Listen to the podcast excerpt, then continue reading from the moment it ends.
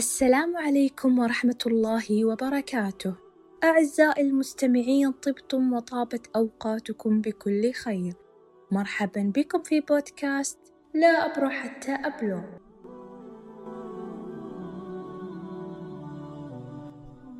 في هذه الرحلة الصوتية الملهمة سننطلق معا لنستلهم الهمة من قصة نبينا موسى الذي لا يعرف المستحيل. وموضوع حلقتنا اليوم هو كيف يمكننا استلهام الهمة من قول موسى لا أبرح حتى أبلغ لتحقيق النجاح؟ لكل إنسان قصة فريدة ومليئة بالتحديات وفي كل مرحلة من مراحل حياتنا نحتاج إلى الهمة التي تساعدنا على تخطي الصعاب. والهمة هي القوة التي تدفع الإنسان للتحرك نحو تحقيق أهدافه وصنع واقع أفضل ومستقبل أجمل.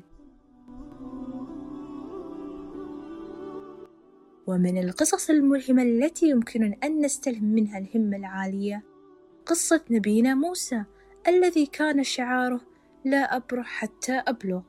أبلغ ماذا؟ أبلغ مجمع البحرين أو أمضي حقبة.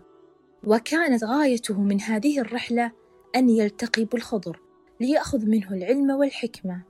فكان موسى مصمما على بلوغ هذا الهدف.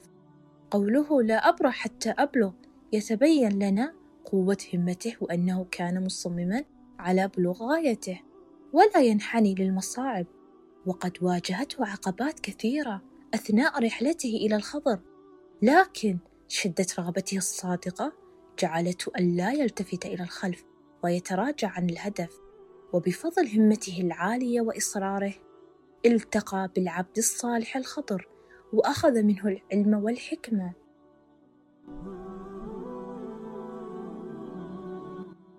من قصته نستلهم كيف نوجه كامل التركيز على أهدافنا حتى إذا تعثرنا ننهض ونواجه العقبات بثبات وإصرار.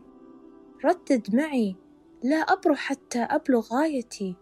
التغلب على الصعاب ليس بالأمر السهل والبعض يفشل بها لأن روحه من الداخل ضعيفة تستسلم من أول خطوة. لأن تركيزه يكون على العقبات والعثرات عكس الروح القوية التي تركز على الهدف ولا تنحني للمصاعب. وإذا سقطت لا تطيل في الجلوس وتنهض فورا. خذها قاعدة. نوع عقليتك هو الذي سيحدد من ستكون.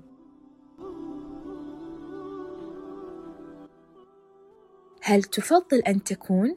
صاحب همة وتتبنى العقلية الناجحة التي لا تعرف اليأس وتحب التطور أم صاحب الروح الضعيفة الذي يعتبر الفشل عدو. وهمة موسى تبين لنا نوع عقليته أنه يمتلك عقلية النجاح العقلية المحبة للتطور والتعلم.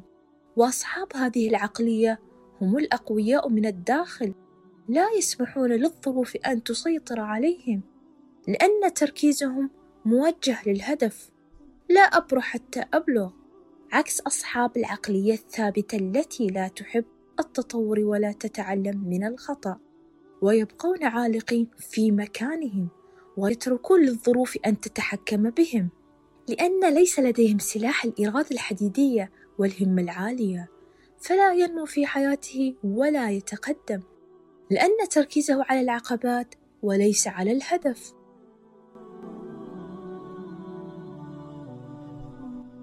في الختام أرجو أن تشاركني رأيك في خانة التعليقات. ماذا تفضل أن تكون؟ صاحب همة وتتبنى العقلية الناجحة؟ أو تظل على عقليتك القديمة العقلية الثابتة وتظل عالق في مكانك وترى الصعوبة في كل فرصة؟ أقول لك لا تبرح حتى تبلغ. أنت بطل قصتك. غير عقليتك لتتغير حياتك. شاركني ما يدور في ذهنك ودعونا نتبادل الإلهام والتشجيع وإلى لقاء آخر. كنت مع بودكاست لا أبرح حتى أبلغ مع أميرة الأمل.